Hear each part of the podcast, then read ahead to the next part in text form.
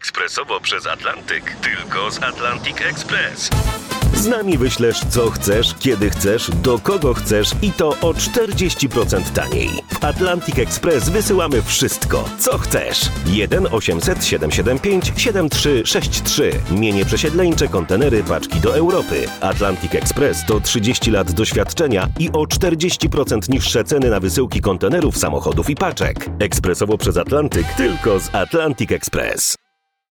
Prześwietlane są fundacje i stowarzyszenia, które dostawały sowicie sute w obfitość dotacje z Funduszu Sprawiedliwości na takie różne przedziwne cele. E, nie wszystkie złe. Na przykład prawie 100 milionów miała dostać pewna fundacja zakonnika egzorcysty, który zasłynął z wypędzania z kobiety demona weganizmu salcesonem. To jest stara sprawa, ale teraz nabrała rozgłosu i wszyscy się kpią z tego salcesonu. A co złego jest w wygananiu demona wegańskiego salcesonem? Nie rozumiem. Sposób dobry jak każdy inny. Co, rzodkiewką miał egzorcysta wyganiać z kobiety demona weganizmu? Kabaczkiem, owocem liczy? Oczywiście, kiełbasa wiejska z galaretką jest dużo lepsza, bo można demona sprać po ryju jak pałką, ale jak nie ma kiełbasy, to bierze się to, co jest pod ręką.